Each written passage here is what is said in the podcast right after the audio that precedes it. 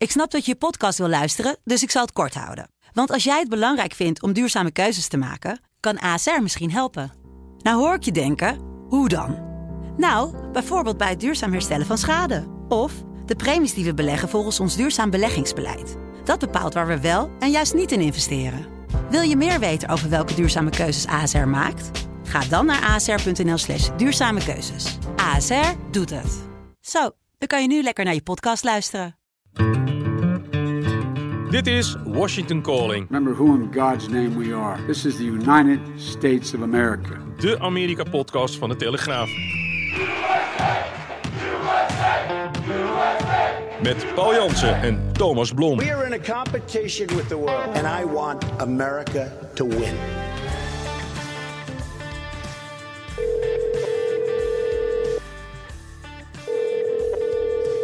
Paul, goedemorgen. Hey Thomas, goedemorgen. Vers terug uit New Hampshire. Ja joh, weer, weer, terug uit de kou. Hoewel, het was niet zo erg als Iowa, dus Ja? viel allemaal wel mee.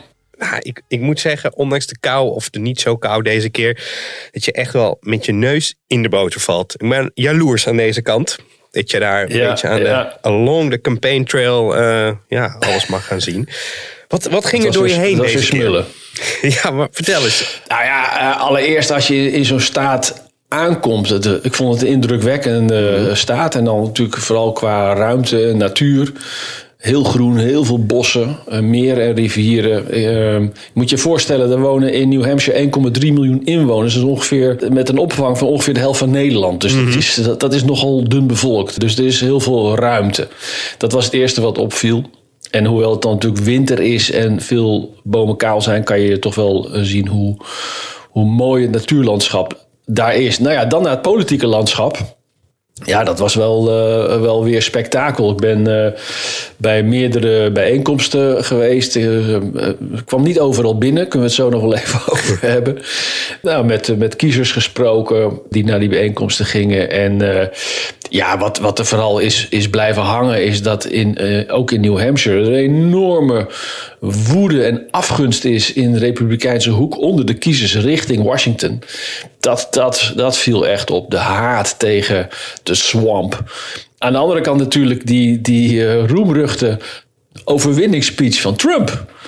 Na zijn zegen, waarin Ja. hij, zoals dat hier eh, in Amerikaanse media werd genoemd, een speech van de verschroeide aarde hield. In plaats van dat hij blij was. Dus eh een Haley werd uitgemaakt voor alles wat lelijk eh, was. Dus dat was, eh, was ook eh, frappant, zullen we maar zeggen. Ja, het was, het was met weekje wel. Zo kunnen we het denk ik zeggen. Ja, Paul, we gaan, we gaan snel beginnen. Eh, we gaan inderdaad eh, eh, verder op door. Want na Iowa valt er natuurlijk ontzettend veel te bespreken. En vooruit te blikken na de gebeurtenissen in New Hampshire. Jij bent gaan proberen uit te zoeken... waarom toch die republikeinen maar blijven stemmen op die, die horkerige Trump.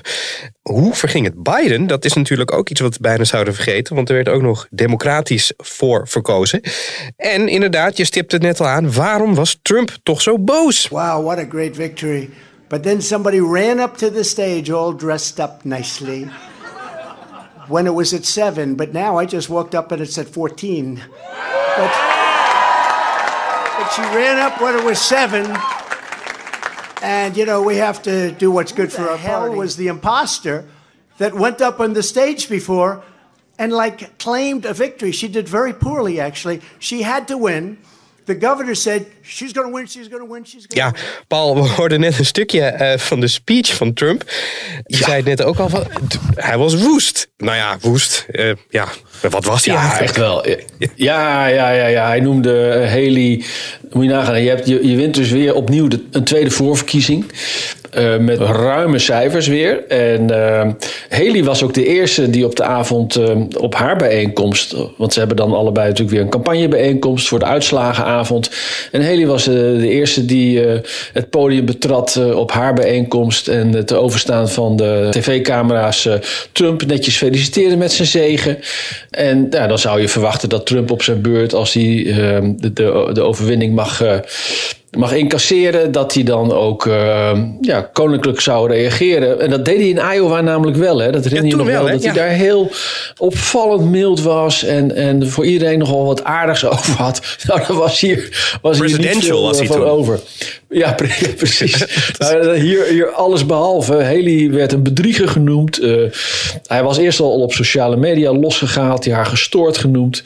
En uh, had aanmerkingen op haar uiterlijk en op alles. En ze was maar middelmatig. En, goed, het, oh ja, de jurk, was, nou, de jurk was ook allemaal niet zo duur. Ja, ja iedereen zat ernaar te kijken en denkt... wat is dit joh? Waar, waar komt die woede toch vandaan? En nou ja als dan het stof een beetje is neergedaald, ja, dan komen er toch wel twee zaken naar voren die die boosheid van Trump uh, kunnen verklaren. En dat heeft natuurlijk alles te maken met het feit dat Haley heeft gezegd dat ze niet uit de race voor de Republikeinse nominatie mm -hmm. stapt. This race is far from over. There are dozens of states left to go.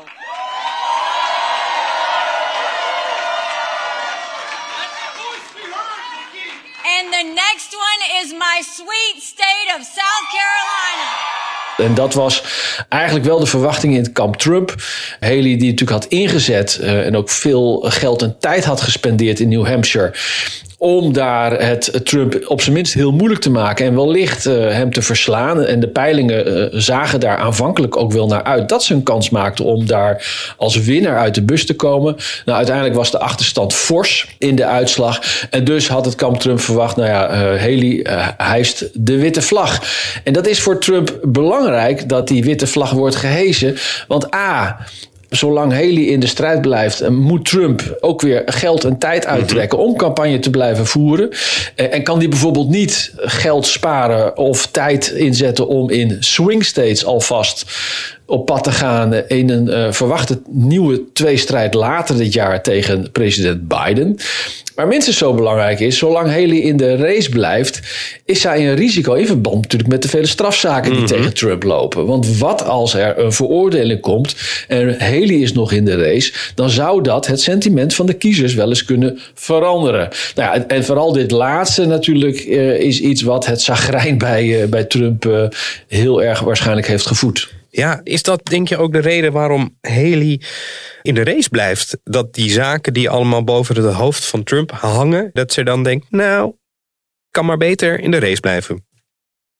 Ja, dat lijkt wel zo, want de, de vooruitzichten in South Carolina, notabene de thuisstaat van Haley, mm -hmm. waar eind februari voorverkiezingen zijn, ja, die vooruitzichten zijn helemaal niet goed. Ze scoort daar uh, heel slecht ten opzichte van Trump. En tussentijds is er nog Nevada en daar doet ze niet eens mee. Dus in die zin zou je zeggen, ja, wat is nou je perspectief om in de race te blijven? Ja. Maar die, die rechtszaken, dat is natuurlijk de grote onzekere factor. Ik moet er wel bij aantekenen, uh, Ron DeSantis heeft natuurlijk na Iowa ook uh, heel stoer verkondigd door te gaan. En uh, vlak voor waar, ja. de stembusgang in New Hampshire gooide hij de handdoek in de ring. We weten dus niet wat er de komende weken gaat nee. gebeuren. Haley kan er nog uitstappen. En hier commentatoren die zeggen van ja, heel belangrijk is, is hoe de donoren de komende weken met Haley omgaan. Of ze haar inderdaad nog blijven steunen. Of dat ze zeggen van ja, het is nu wel klaar. Dus er, er is nog een periode waarin alles kan gebeuren richting uh, die volgende strijd in, uh, in South Carolina. Maar vooralsnog uh, blijft het een tweestrijd en daarmee dus een risico voor Trump. Absoluut. En Paul, heb je beide kandidaten nog mogen zien toen je er was eigenlijk in New Hampshire? Ja, dat was wel grappig, want ja, als je daar dan in het veld bent waar zowel Trump als Haley in, in de zaaltjes weer Mhm. opwachting maken. Ja, dan wil je dat natuurlijk met eigen ogen zien.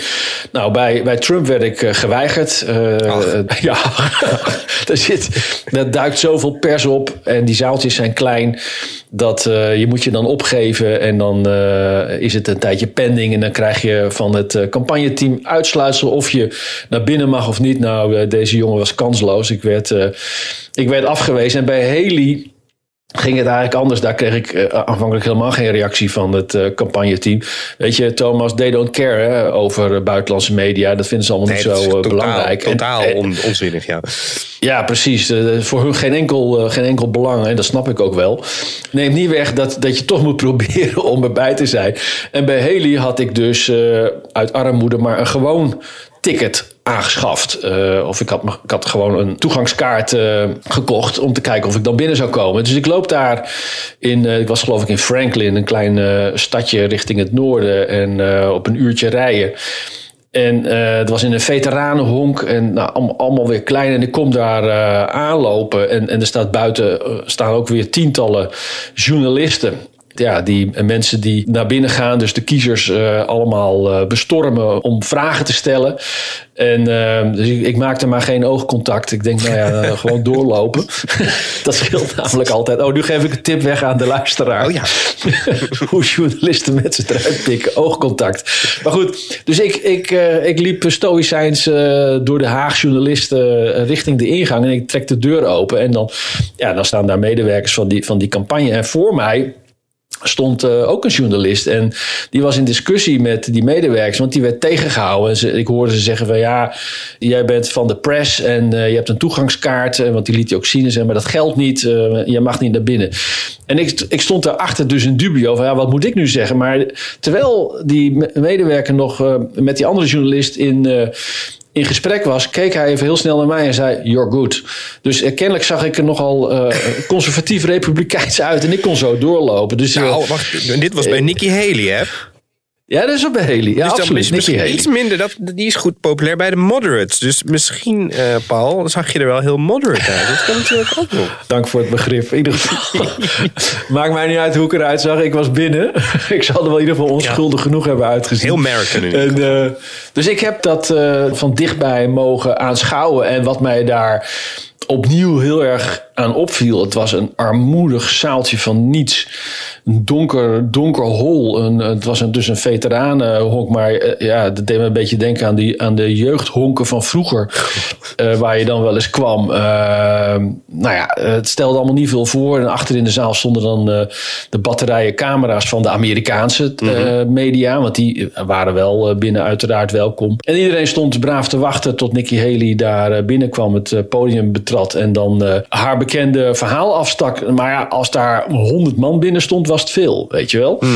Dus ja, je vraagt je dan toch af. Joh, waarom doe je dat al die moeite? En dan is het natuurlijk wel zo dat je misschien 100 man spreekt, maar je spreekt eh, daarmee ook via al die camera's anderen toe in de staat. Vooral de lokale media zijn, daar, zijn daar vaak belangrijk. Eh, maar zoals we al eerder bespraken, in Nederland eh, hebben we dat ook gezien dan de afgelopen eh, 10, 15 jaar. Met de opkomst van sociale media heb je, heb je toch ook hele andere kanalen waarin je daar veel effectiever kan zijn.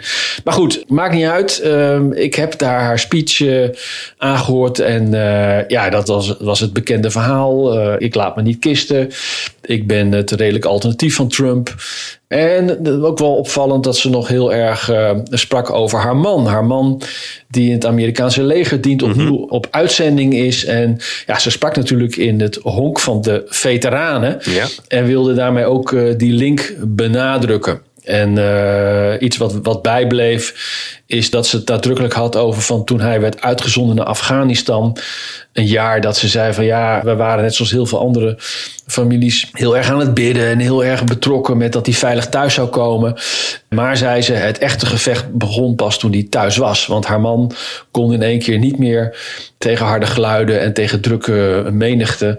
Dat maakte toch wel indruk dat ze dat persoonlijke eh, verhaal vertelde. En die mensen die daar dan in die zaal zijn, zijn dat nou echt Nikki Haley fans? Of, of zijn dat nog echt mensen die lijken te zweven of die nog overtuigd moeten worden? Hoe is die sfeer dan? Ja, ik heb ze niet allemaal gesproken, maar ik, eh, enkele wel. En daar, dat overwegend waren dat mensen die al de keuze voor Nikki Haley hadden gemaakt.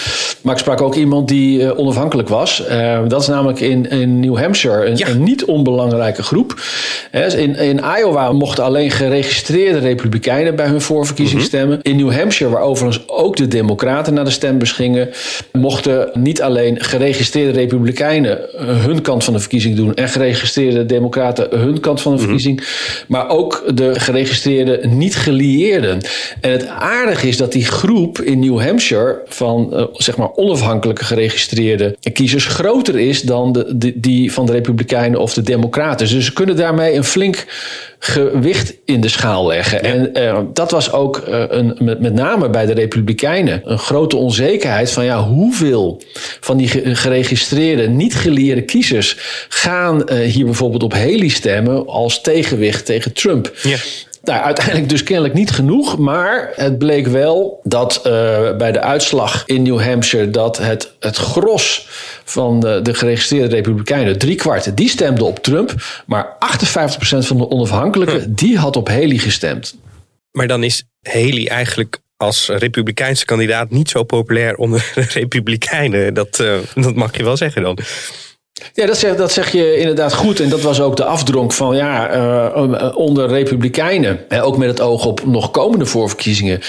is Haley niet zo populair en is eigenlijk kansloos. Maar de, uiteindelijk, uiteindelijk de race om het Witte Huis gaat natuurlijk niet alleen wat de Republikeinse kiezers doet, maar dat gaat ook om wat, wat Amerika doet. En dus is die onafhankelijke uh, niet geleerde kiezer uh, weer heel uh, belangrijk. En, en daaruit komt naar voren opnieuw dat Haley dan een betere kans maakt. En je herinnert je nog wel die peiling ja. van een tijdje geleden, waarin er was gevraagd van ja, hoe zou Trump het doen tegen Biden en hoe zou Haley het doen tegen Biden. En daar bleek ook al uit dat Haley beter scoorde in de tweestrijd tegen Biden dan Trump. Nou ja, deze, deze 58% van de, van de niet geleerde kiezers die op Haley kiesten, voor zover ze dus meededen aan die mhm. republikeinse uh, voorverkiezing. Dat, dat is wel weer een teken aan de wand. Ja, ja, Trump dus- is waanzinnig populair binnen de republikeinse gelederen. Daar is Haley kansloos. Maar de, uh, uiteindelijk de Amerikaanse presidentsverkiezingen gaan natuurlijk breder dan uh, mensen van de eigen partij. Dan zal ze dus toch een lichtpuntje nog hebben overgehouden aan, aan de verkiezingen in New Hampshire. Wellicht zo. zeker. En, en hè, zoals gezegd, die rechtszaken, ja, dat is natuurlijk de grote onzekere factor die alles zou kunnen veranderen. De vraag is natuurlijk wel, ja, wanneer komt er dan een eerste vonnis in een van die strafzaken? Want we hebben het niet over de civiele zaken. Ja, dat zou natuurlijk nog wel een tijd kunnen duren. Tja, spannend. En nou ja, we zouden het bijna vergeten. Ook Biden stond nog op het uh, stembiljet. Of nou, nee, dat moet ik eigenlijk. Nee. Die stond helemaal niet op het stembiljet. Nee, joh. Dat, uh, dat zeg ik helemaal verkeerd. Maar hij, je kon wel op hem stemmen door ja, zijn naam op het stembiljet te krabbelen. En hij won wel hè, bij de Democraten. Ja, hij won wel met een kleine 60 procent. Ja, dat is ongelooflijk hoe je een puinhoop kan maken van je eigen voorverkiezing. Dat is, ik heb dat met verbijstering, Thomas, zitten, zitten volgen. Ten meer omdat je weet dat het vier jaar geleden ging het ook al zo gruwelijk mis. Maar toen in, toen in Iowa, weet je, toen waren het allerlei technische problemen. Mm. En toen kwam die uitslag maar niet. En dat was de aftrap ook van de democratische voorverkiezingen. Dat ging toen mis. En daarom had Biden en zijn campagneteam, of mede daarom, uh, gezegd: Weet je, we gaan, het, we gaan het deze keer anders doen. De aftrap moest zijn in South Carolina. Want werd gezegd dat is een meer diverse staat. Iowa en, en ook New Hampshire uh, staan te boek als uh, blanke, overwegend blanke staten. En dat vonden de Democraten dan in deze uh, tijd van diversiteit en inclusie allemaal iets minder geslaagd. Maar op de achtergrond speelde wel mee dat Biden vier jaar geleden in zowel Iowa als New Hampshire de pan in was gehakt door democratische tegenstrevers. Hij was slechts 54 mm. geworden. Dus dat speelde allemaal ook mee. Um, de, alleen de lokale democraten in New Hampshire, die lieten zich niet hun, hun eh, feestje afpakken. Want New Hampshire is dan uh, na de caucus in Iowa de eerste met echt een primary. Dus met een voorverkiezing in het stemhokje. En die hebben doorgedrukt. En toen had de, de, de Democratische Partij gezegd: uh, wat jullie ook doen, wij, wij verklaren de uitslag nu al ongeldig, doet er allemaal niet toe. Jullie mogen ook geen gedelegeerden sturen naar onze nationale conventie later in het jaar, waarin de presidentskandidaat wordt benoemd. Dus het was echt slaande ruzie. En op het aller, aller, aller, allerlaatste moment bedachten ze toch een soort compromis. Namelijk Biden, die niet op het stembiljet stond in New Hampshire, zou dan door de kiezer zelf uh, moeten worden toegevoegd. Want dat mag in New Hampshire. Ja. Je mag dus een naam toevoegen aan het stembiljet. En zo hebben ze met zo'n houtje-touwtje oplossing op de valreep geprobeerd om Biden nog tot winnaar te maken. Omdat het anders zou ja, ook wel weer een, een sentiment kunnen geven van een valse start. Uh, en Biden is ook als winnaar uit de bus gekomen met, met een kleine 60% van de democratische stemmen. Ja, dat is dan ook nog maar net goed gegaan, zou je zeggen eigenlijk. Ja, en, vervolgens, hè, omdat, ze het, omdat ze eerst heel hard hebben geroepen dat ze het allemaal niet erkennen, zag je ook dat, uh, dat Biden daar, daar vervolgens weinig aandacht aan geeft. En dat ze, ze waren ook op, op, een, uh, op een andere bijeenkomst die niets met die verkiezing te maken had. Dus het was een hele merkwaardige gang van zaken. En, en ja, je vraagt je toch af hoe de Democraten het voor elkaar krijgen om, uh, om er toch opnieuw, opnieuw een chaos van te maken. Nou, over vier jaar beter. Zullen we dan maar zeggen. ja, maar niet voor Biden.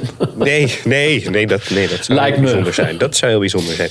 Eh, Paul, jij, jij bent op zoek gegaan. Hè? Toen je daar eh, bij die rallies eh, rondliep, ben je op zoek gegaan naar een vraag waarom Republikeinse stemmers of kiezers nou toch op Trump blijven stemmen. Ondanks, nou ja, we kennen al zijn slechte eigenschappen inmiddels maar al te goed. Heb je daar een antwoord op gevonden? Ja, wel, wel in een richting van een antwoord. Want ja, het is natuurlijk opmerkelijk. Trump met zijn uh, uitspraken, ook zo grove uitspraken. Hè? Ook teksten als uh, dat, dat illegale migranten het vergif van de natie zijn. En uh, ja, het is, het is een hele ja, het is allemaal van. Het is, nee, het is allemaal van, van dik hout zaag met planken. En, en ook weer zijn onsportieve houding ten opzichte van uh, andere kandidaten. wat wel opmerkelijk was trouwens, hè, dat toen zowel Ron DeSantis als Vivek Ramaswamy en Tim Scott, die hebben nu inmiddels allemaal Trump uh, endorsed, zoals dat mm -hmm. dan heet. Dus, dus ze steunen hem. En, en Trump, die ook gehakt heeft gemaakt van DeSantis, uh, maandenlang al echt als een schoolyard bully tegen hem uh, tekeer ging. Die, die heeft dan in één keer alleen nog maar lieve woorden. En het is zo, alles zo ongeloofwaardig. En uh, dan vindt hij ze in één keer, ja, het zijn magnifiek en goede leiders en weet ik veel allemaal. En nou ja, Haley, die dus nog niet om is, die, daar deugt dan in één keer weer helemaal niets van. Maar goed, Trump, die, die toch wel te boek staat als, als een hork wordt toch door dik en dun gesteund door veel Republikeinse kiezers. En naarmate je met die mensen gaat praten, komen natuurlijk een paar constanten naar boven. Mm -hmm. En uh, de, de, twee hele belangrijke thema's zijn natuurlijk de economie, lees de inflatie. Want ja, alles is hier krankzinnig duur geworden. En het, het, het tweede is, is de grens. Mm -hmm. De illegale uh, migratie van inmiddels miljoenen mensen. Dat baart uh, heel veel Amerikanen, uh, zeker ter rechterzijde van het politieke spectrum, uh, zorgen. Maar iets anders wat eigenlijk nog daarachter en ook wel daarboven zweeft, is de enorme haat onder Amerikanen tegen de federale staat.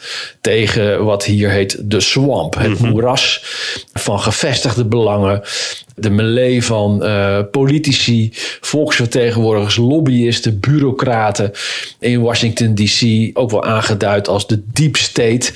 En er zijn toch uh, veel Amerikanen, uh, zeker in het kamp van, van de Republikeinen, die er helemaal niets van moeten hebben. En nou, gaandeweg werd ook wel duidelijk van ja, waarom ze dan zo'n afgunst hebben. A, je moet je voorstellen, dat realiseerde ik me aanvankelijk ook niet zo goed. Washington DC is eigenlijk in Amerika wat Brussel voor veel Europeanen mm. is. Er zijn namelijk staten met eigen volksvertegenwoordigers en eigen besturen die heel veel zaken regelen in het dagelijks leven van, van burgers. En daarboven heb je dan die federale staat.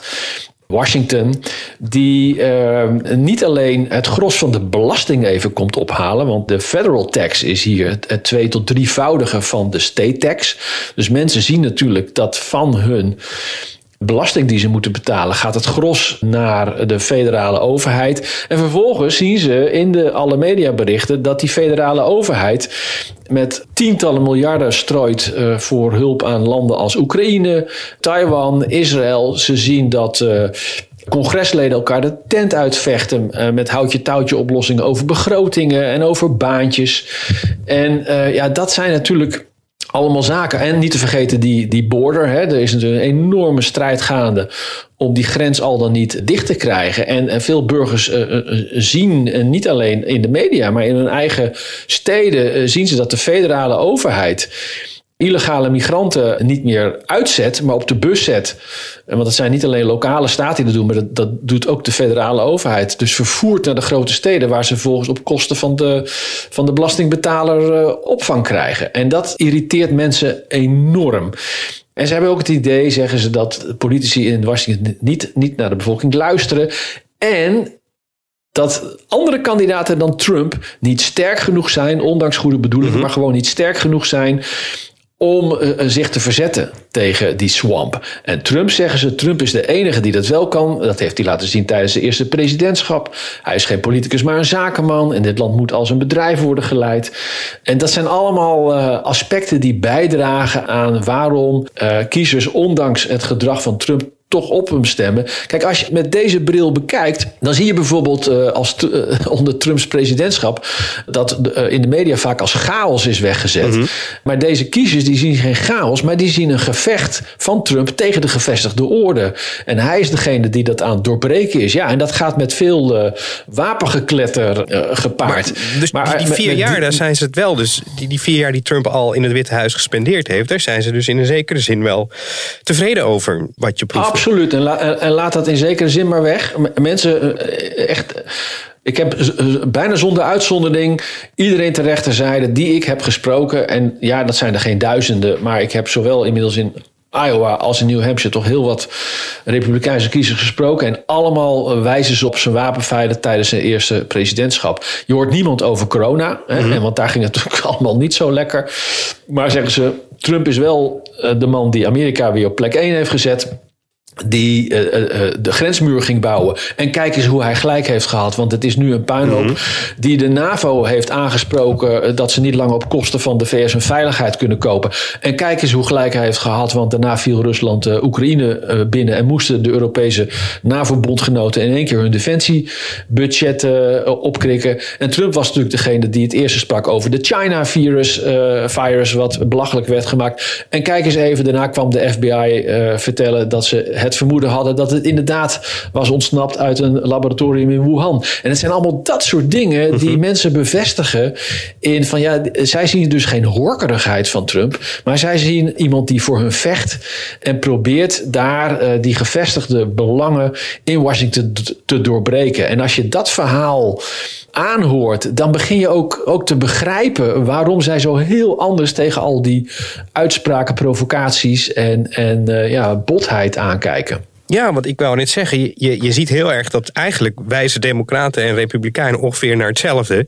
Steeds van democraten zeggen, kijk wat een chaos. En dan zegt de republikein, uh, ja, inderdaad, heel fijn. Dat, dat maakt het natuurlijk heel lastig om het met elkaar eens te worden, laat het zo zeggen. Um, ja, je, moet. Je, je, je, je moet er als een, als een olifant door de porseleinkast, kennelijk. Dat is in ieder geval het beeld wat veel uh, Amerikanen ter rechterzijde van het politieke spectrum hebben. En Trump is die olifant. En die porseleinkast, dat zijn de gevestigde belangen in Washington. Ja, en daar kan je niet uh, zachtjes mee omgaan. Daar moet je echt overheen walsen om dat anders uh, geregeld te krijgen. En uh, zij hebben er een groot vertrouwen in dat Trump degene is die dat kan regelen. En zeggen ze, laten we dat niet vergeten, al die strafzaken en al die civiele zaken die nu tegen Trump lopen, dat is allemaal bedoeld van diezelfde gevestigde orde um, om Trump tegen te houden in die campagne om die machtige belangen in Washington te doorbreken.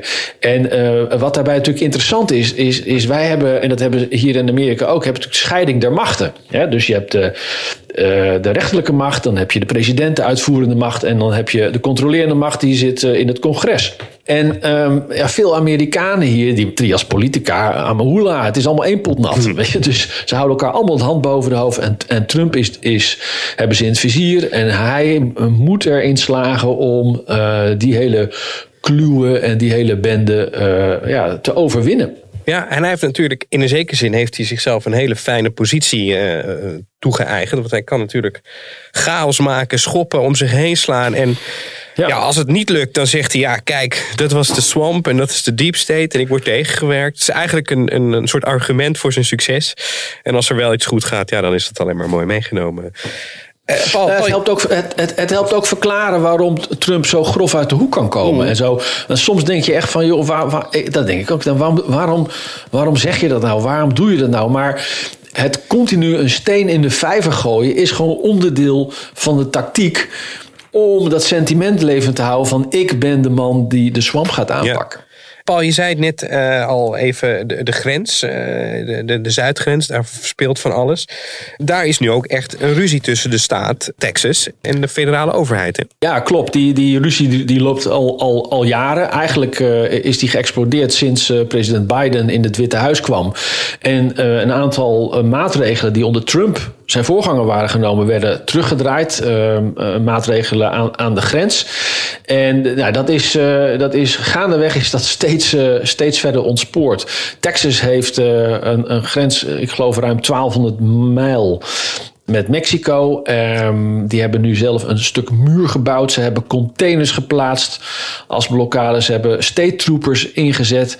En uiteindelijk eh, ook de Nationale Garde. En eh, ze hebben heel veel prikkeldraad eh, langs de grens. Want daar stroomt de Rio Grande. Hebben ze allemaal prikkeldraad neergelegd om die instroom te blokkeren. En waarom doen ze dat? Omdat ze zeggen, ja, de federale grenspolitie die faalt eigenlijk. Die stuurt mensen niet terug, uh, maar die zegt tegen mensen, kom maar mee. En die brengt ze naar die uh, opvangcentra of detentiecentra. En dan worden die mensen vervolgens niet uitgezet, maar gewoon vrijgelaten, omdat het er te veel zijn om nog uit te zetten. Mm -hmm. En Texas die eh, heeft daar tabak van en die is dus op eigen houtje nu het, eigenlijk het grensbeleid aan het voeren. Nou, daarvan heeft Washington gezegd, dat accepteren we niet, want dit dit is een federaal domein. En dus is het nu de laatste weken heel erg opgelopen. Uh, en dat draait allemaal bij de plaats Eagle Pass, als ik het goed zeg, ja. om Shelby Park. En Shelby Park is een park aan de Rio Grande, aan die grensrivier. En dat was eigenlijk een soort intakeplek voor die illegale migranten. En uh, ja, Texas uh, die heeft dat met ledenogen aangezien. De Nationale Garde erop afgestuurd. Die heeft daar de boel overgenomen. En de grenspolitie de toegang ontzegd om daar nog langer te zijn. En dat heeft nu inmiddels weer toegeleid dat de Biden-regering naar het Hoge Rechtshof is gestapt. En die heeft uh, met vijf tegen vier besloten dat het prikkeldraad aan de grens weer weg moet. Nou ja, je moet je voorstellen, dit speelt dus allemaal in een verkiezingsjaar. Mm -hmm. Op een moment, zoals we net al bespraken, dat die illegale migratiekwestie een van de, van de grote issues is. Dus ik vermoed zomaar dat hoewel Texas hier een nederlaag heeft geleden, dat uh, de Republikeinen hier uh, uh, hun winst vieren. Ja, Want dit is natuurlijk. Garen bij spinnen. Dit is de, ja, dit is natuurlijk hartstikke, hartstikke goed voor hun electoraal. Mm -hmm. dat nogmaals wordt onderstreept dat de regering Biden of nou, waar we het net over hadden, de swamp, er alles aan doet. Dat is althans de beeldvorming. Niet om de grens dicht te houden, maar om de grens ja. Open te stellen. En dan heb ik het dus niet over legale migratie, maar voor illegale migratie. Ja, ik denk dan ook van in het Witte Huis moeten ze daar toch ook wel aanvoelen dat dat in de beeldvorming niet heel erg fijn op ze afstraalt uh, in bepaalde hoek, bepaalde electorale groep. Ja, dat, dat lijkt mij ook. Het, het verbaast ook dat ze dat zo, zo hoog blijven opspelen. maar uiteindelijk is het natuurlijk wel een competentiestraat. Wie, wie is er nou de baas over mm -hmm. de grens? Ja, en de federale overheid kan het, kan het niet laten gebeuren dat daar de staten de boel overnemen. Nee. Dus trouwens, een, er zijn naar schatting in 2023, even, even voor je beeld, zijn er naar schatting 2,5 miljoen illegale migranten overgestoken naar de VS. En daar, daar zijn interessante. CNN heeft daar niet zo lang geleden een, een filmploeg meegestuurd met uh, wat heet The Track. Mm -hmm. um, je kan het op uh, die CNN-documentaire onder andere op YouTube terugvinden. En dan is het Track T-R-E-K voor de luisteraar, The Track. En daar filmen ze eigenlijk helemaal vanaf Midden-Amerika hoe die mensen uh, ja, een hele lange gevaarlijke tocht maken om maar naar het beloofde land Amerika te gaan. En ja, ik heb dat echt met open mond zitten, zitten bekijken. En dan snap je ook wel waarom die mensen uh, die ook kapitalen besteden om überhaupt aan die grens mm -hmm. van Mexico met Amerika te komen, waarom die alles op alles zetten om, om die grens over te steken. Want die hebben al een, een enorme, gevaarlijke, lange, dure reis erop zitten. Ja, en dan laat je je op het laatste niet weerhouden als je het gevoel hebt dat je op de drempel van het Walhalla staat. Ja, absoluut. Dat, uh, dat zou ik ook. Uh, ik zou ook die Rio Grande overs, uh, overzwemmen dan. Denk ik. Ja, het was wel, wel pijnlijk dat te, te midden van, van deze uh, ruzie, competentiestrijd tussen uh, de staat Texas en de federale overheid er uh, een, een, zich een drama afspeelde waarbij een, moeder en twee kinderen in de Rio Grande verdronken. Er verdrinken vrij veel migranten. En er waren, bleken nog twee anderen in nood te zijn en um, een, een federale agent die claimt dat hij daar melding had, van had gekregen van zijn uh, Mexicaanse collega's. Maar omdat het aan de Amerikaanse zijde van de rivier zich afspeelde, uh, werd hij erop afgestuurd. En hij mocht dus van de Nationale Garde niet naar het gebied waar, waar zich dat drama afspeelde. En dat is nu ook weer een steekspel tussen de grenspolitie, de federale grenspolitie, en die Nationale Garde. want die ontkennen weer dat het een noodgeval was en dat er eigenlijk iets aan de hand was. Maar nou, je ziet maar uiteindelijk van zo'n zo, ook een politiek steekspel zijn er altijd weer uh, ja, argeloze migranten die daar uh, ja. uh, de rekening voor betalen. Uiteraard, uiteindelijk is er inderdaad iemand die heel erg aan het kortste eind trekt. Dan, ja, het blijft, het blijft uh, Thomas, tot slot, het blijft natuurlijk bizar. Het blijft natuurlijk bizar dat een grens uh, waar mensen illegaal oversteken, dat die gewoon niet worden uitgezet. Dat ze gewoon, dus het is een, en dat is onder Trump gebeurt dat natuurlijk ook veel, ook veel. En ondanks dat hij die grensmuur is gaan bouwen, was, was uh, die A niet compleet was en B zeker niet waterdicht, was er ook toestroom. Maar het is uh, zeker onder Biden heeft het, heeft het zo'n vlucht genomen. Ja. Uh, dat, nou ja, we hebben het daarover gehad. Een stad als New York dat helemaal niet, niet aan kan aan, aan, aan migranten die, die, die daar binnenkomen. En dan gaat de, stad ook uh, financieel aan, aan ten onder. Heeft de burgemeester gewaarschuwd. Maar het blijft bizar dat illegale migranten die een land binnenkomen worden opgevangen. En vervolgens vrijgelaten omdat ze niet de capaciteit hebben om ze terug te sturen. Ja, absoluut. En, en nou je zei net al, de burgemeester van New York, Eric Adams, die is ook echt omgeslagen wat betreft uh, ja. dat beleid. Die dacht eerst heel goed en uh, op een gegeven moment zag je het ook niet meer zitten hoe het in New York eruit ging zien op een gegeven moment. Klopt, die was aanvankelijk was hij naar, ik geloof zelfs Eagle Pass afgereisd om de illegale migranten toe te spreken dat ze als solidariteit, jullie zijn hier welkom. En een jaar later toen die zag wat daar, wat daar van de desastreuze gevolgen waren voor de stad die hij bestuurde en dus ook voor de burgers daar, die hem hadden gekozen om om, laten we wel wezen, je kan goed voor de wereld willen zorgen, maar je bent er allereerst als bestuurder om uh, uh, voor, voor de mensen uit je eigen gemeenschap hun belangen uh, te behartigen. Ik zeg niet alleen, maar dat is wel primair waarop je op zo'n stoel zit. En Adams, die, die is dus later totaal echt 180 graden omgeslagen ja. en wil nu dat ook harder wordt opgetreden, omdat het ja, een stad als New York overvoert. En, en die kan die opvang financieel helemaal niet meer bolwerken. Dan, Paul, laten we naar je mediamoment gaan van deze week. To be here meant you really made it. The iconic cover of Sports Illustrated, known for its leading edge journalism beyond the scores, and yes, the swimsuit issue too. But for years, cracks at the vaunted magazine have been showing. Dat gaat over uh, nou ja, uh, collega's van ons, zou ik zeggen. Dat zijn ook, ook schrijvende pers. Ja. Paul, wat, wat viel jou op? Ja, de, de neergang van Sports Illustrated. En, en dan weet jij denk ik wel wat dat is. Ik, ik heb uh, wel eens van Sports Illustrated gehoord. En dan uh, met name een, een editie. De, de Swimsuit Edition, zo heet die geloof ik hè? Ik dacht het al, daarom stelde ik ook even, even, even de vraag. Ja, uh, maar het, het, politiek correcte antwoord is natuurlijk dat het een vermaard sportblad oh, ja. is en de bijbel ja, ja, van de sportjournalistiek, Thomas. maar die, het, is, iedereen... het is een instituut, hè? De, de, de Swimsuit Edition, dat is, dat is gewoon zoiets. iedereen, kent, iedereen kent de badpak-editie, dat is, dat is helemaal, helemaal waar.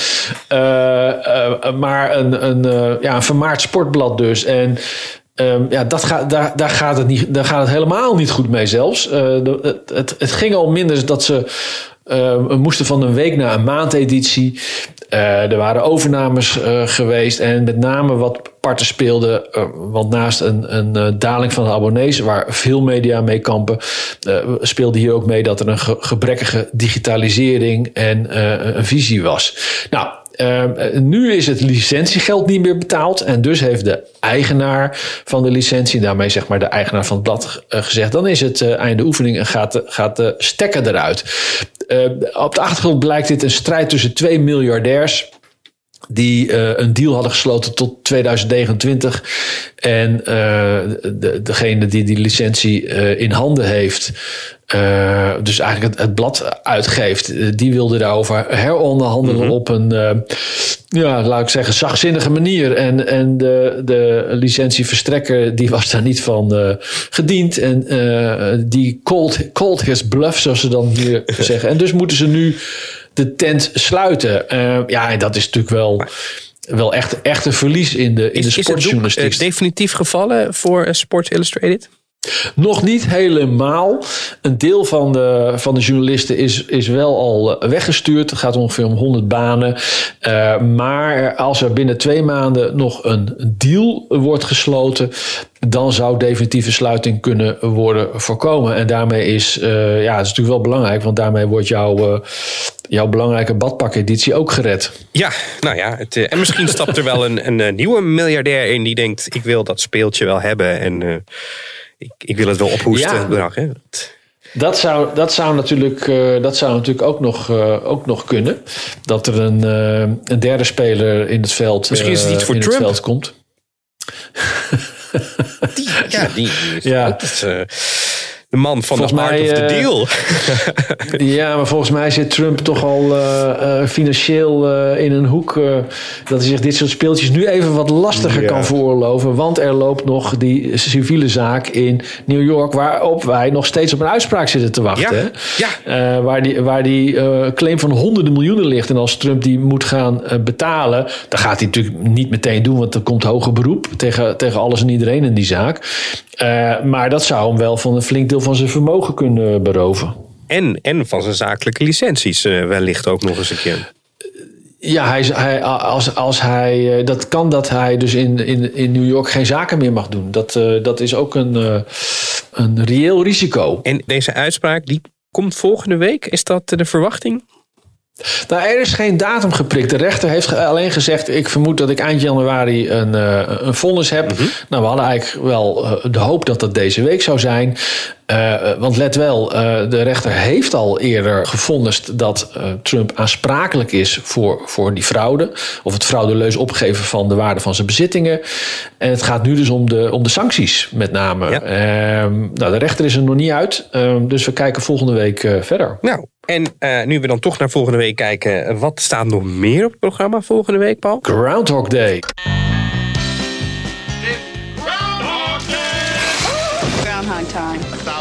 People freezing their butts off waiting to worship a rat. Weatherman Phil Connors is spending the day in Puxatawney, Pennsylvania. Voor de luisteraar die niet weet wat Groundhog Day is, die, die uh, 100 jaar onder de steen heeft geleefd, leg het eens uit, uh, Paul. Wat is het?